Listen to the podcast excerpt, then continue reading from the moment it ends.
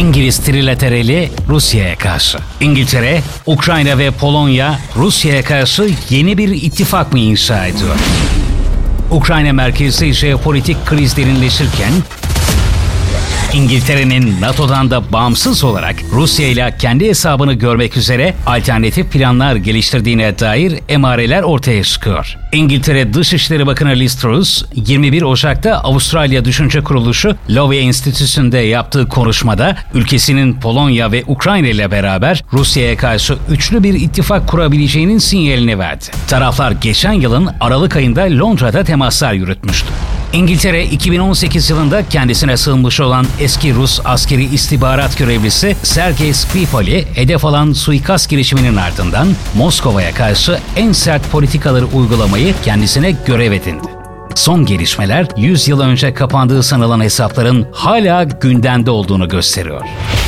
1917'deki Şubat ve Ekim devrimlerini takiben İngiltere Kralı 5. George'un kuzeni olan Çar II. Nikola tahttan indirilerek ailesiyle birlikte katledildi. Bu olay taraflar arasındaki kan davasının başlangıcı oldu.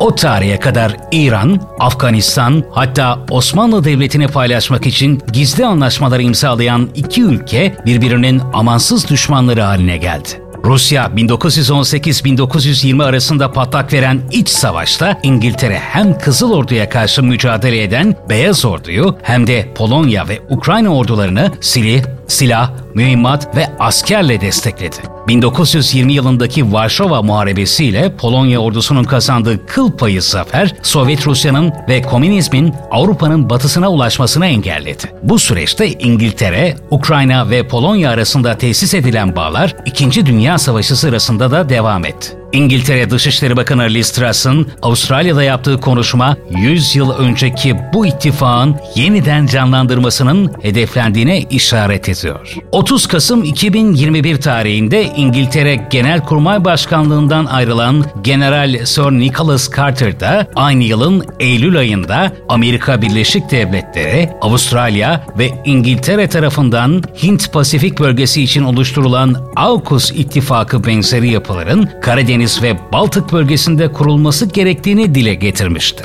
İngiltere, Polonya, Ukrayna trilateral ittifakı söylemi Carter'ın açıklamalarının altında çoktan doldurulmuş olduğunu gösteriyor. İngiltere 2014 yılından bugüne kadar yaklaşık 20 bin Ukrayna askerini eğitirken, bu ülke deniz kuvvetlerine gemilere karşı kullanılacak füzelerle kara kuvvetlerine binden fazla anti-tank roketi temin etti. Ukrayna'nın Karadeniz kıyısındaki donanma tesislerini yenilemesi için de Londra yönetimi 1 milyar 210 milyon sterlin sağladı. İngiltere'nin NATO çerçevesi dışına taştığı aşikar olan gayretleri Rusya tarafından da yakından takip ediliyor. Nitekim Kremlin yönetimi Ukrayna konusunda İngiltere ile ayrı bir diyalog yürütmesinin gerektiğinin farkına vararak harekete geçti. Rusya Savunma Bakanı Sergey Shoigu ve İngiltere Savunma Bakanı Ben Wallace bir süredir karşılıklı olarak birbirlerini davet ediyorlar. Bu karşılıklı davetlerden henüz bir sonuç çıkmadı. Ancak Rus kaynakları İngiltere Dışişleri Bakanı Liz Truss'ın Şubat ayında Moskova'yı ziyaret ederek Dışişleri Bakanı Sergey Lavrov ile görüşeceğini bildiriyorlar. Bu ziyaretin tarihi ise henüz kesin olarak saptanmış değil. İngiltere'nin Amerika'nın onayıyla ancak NATO'yu aşacak biçimde yürüttüğü izlenimini veren Rusya siyaseti, Almanya'nın Rusya'ya karşı aşırı temkinli politikasının sebebini de açıklıyor olabilir.